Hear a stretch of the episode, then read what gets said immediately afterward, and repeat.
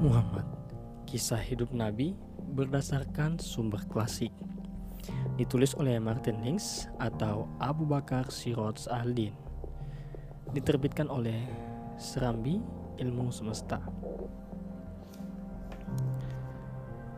Bagian 28 Umar. Ketika kedua utusan itu kembali ke Mekah dengan membawa berita bahwa mereka ditolak, sedangkan kaum muslimin tinggal dalam lindungan Negus, pihak Quraisy cemas dan jengkel. Mereka segera meningkatkan tekanan dan penyiksaan terhadap kaum mukmin. Sebagian besar di bawah arahan Abu Jahal dan keponakannya, Umar orang yang paling keras dan sangat patuh menjalankan instruksinya. Umar saat itu berusia sekitar 26 tahun.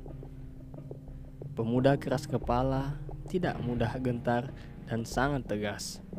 Namun demikian, tidak seperti pamannya. Ia orang soleh.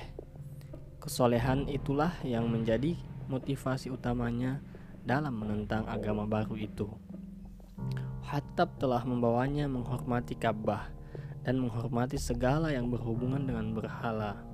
Baginya, semua itu saling berkaitan dan menjadi satu kesatuan yang suci serta tidak patut dipertanyakan dan diubah.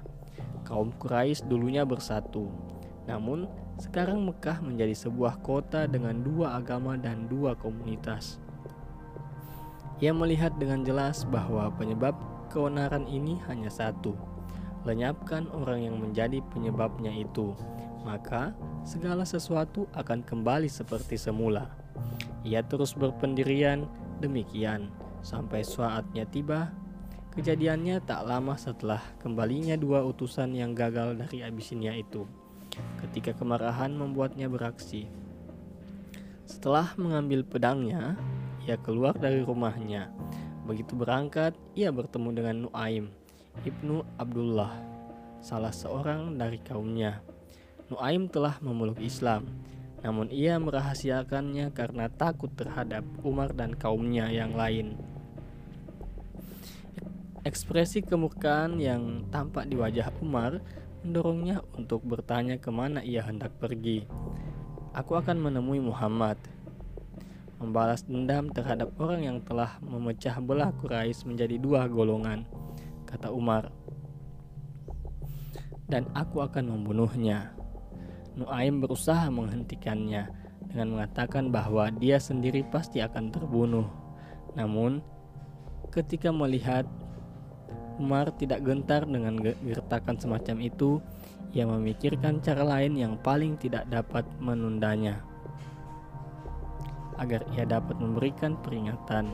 Cara ini akan mengkhianati rahasia para pengikut Muslim yang seperti dirinya sendiri menyembunyikan keislaman mereka. Namun, dalam situasi seperti ini, ia tahu bahwa mereka akan memaafkannya dan bahkan membenarkannya.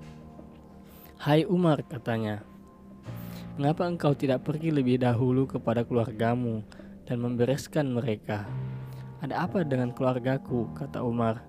"Saudara iparmu, Said, dan saudara perempuanmu Fatimah, kata, kata Nuaim. Mereka berdua pengikut agama Muhammad. Jika engkau membiarkan mereka demikian, maka martabatmu bisa jatuh.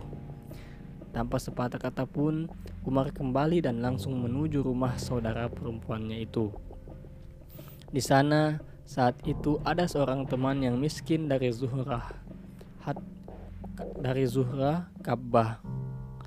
Dari Zuhra Kabab yang sering datang untuk membacakan Al-Quran kepada Said dan Fatimah. Ia bersama mereka sedang membacakan surat Taha yang baru saja diturunkan.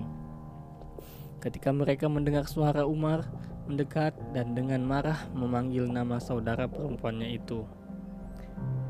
Kabab bersembunyi di pojok rumah dan Fatimah menyembunyikan lembaran itu di balik bajunya. Namun, Umar telah mendengar suara pembacaan mereka. Setelah tiba, Umar bertanya, "Apa yang kudengar tadi?" Mereka berusaha meyakinkan bahwa ia tidak mendengar apa-apa. "Aku mendengarnya," katanya, "dan aku telah kalian Dan aku dengar kalian berdua telah menjadi pengikut Muhammad. Ia mendekati saudara iparnya, Said, dan men menyerangnya. Ketika Fatimah melindungi suaminya, Umar menamparnya hingga terluka. Memang benar, kata mereka, kami adalah muslim, kami beriman kepada Allah dan Rasulnya. Maka lakukanlah apa yang engkau inginkan. Luka Fatimah berdarah. Begitu Umar melihat darah itu, ia menyesal.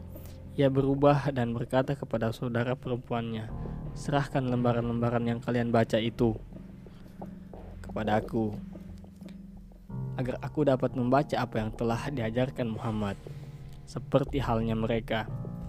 Umar bisa membaca.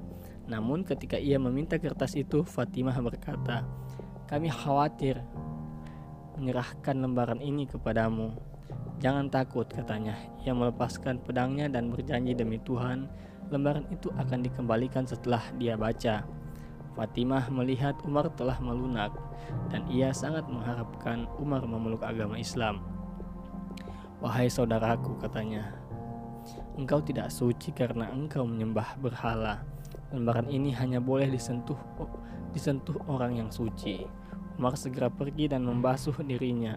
Kemudian Fatimah menyerahkan kepadanya lembaran yang dibuka, yang dibuka dengan kata-kata Toha. Umar mulai membacanya. Setelah selesai membaca lembaran itu, ia berkata, "Betapa indah dan agungnya kata-kata ini." Ketika Kabab Mendengar ucapannya, ia keluar dari tempat persembunyiannya. Umar, aku berharap Allah telah memilihmu sesuai doa Nabi yang kudengar kemarin dipanjatkan. Ya Allah, jayakanlah Islam dengan salah satu dari dua orang, Abu Al-Hakam Ibnu Hikam atau Umar Ibnu Khattab. Hai Kabab, kata Umar, di mana sekarang Muhammad berada? Aku ingin bertemu dengan dia dan aku akan masuk Islam. Kabab mengatakan bahwa Nabi berada di rumah Arkam, dekat gerbang Safa bersama beberapa sahabatnya. Umar menghunuskan kembali pedangnya dan pergi ke Safa. Ia mengetuk pintu rumah Arkom dan mengatakan siapa dirinya.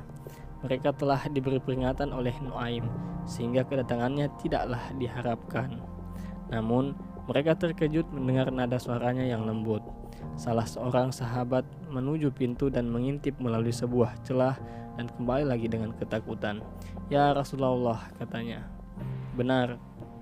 Umar datang dengan menghunus pedangnya. "Biarkan ia masuk," kata Hamzah. "Jika ia datang dengan maksud baik, kita akan membalasnya baik-baik. Jika ia bermaksud buruk, kita akan membunuhnya dengan pedangnya sendiri."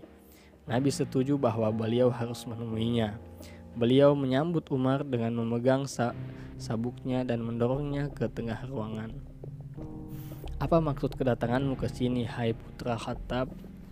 Tampaknya engkau belum sadar juga. Rupanya engkau menanti tamparan Allah.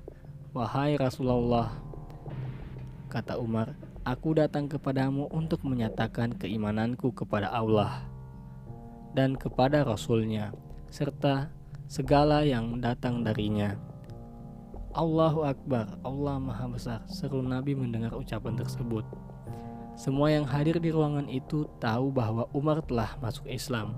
Mereka semua pun senang dan gembira. Umar tidak menyembunyikan keislamannya. Ia bermaksud mengumumkan kepada setiap orang, terutama kepada mereka yang paling memusuhi Nabi, Beberapa tahun kemudian ia berkata, "Ketika aku telah memeluk Islam, malam itu aku berpikir, siapa penduduk Mekah yang paling kejam memusuhi Rasulullah? Aku akan menemuinya dan mengatakan bahwa aku telah menjadi muslim." Jawabanku adalah Abu Jahal. Maka keesokan paginya aku pergi dan mengetuk pintunya. Abu Jahal keluar dan berkata, "Selamat datang putra saudaraku." Apa maksud kedatanganmu ke sini? Aku menjawab, Aku datang untuk memberitahukan bahwa aku beriman kepada Allah dan Rasulnya Muhammad. Aku juga bersaksi atas kebenaran yang ia ajarkan. Tuhan melaknatmu, katanya. Dan semoga laknatnya juga pada pada berita yang engkau bawa. Kemudian ia membanting pintunya di hadapanku.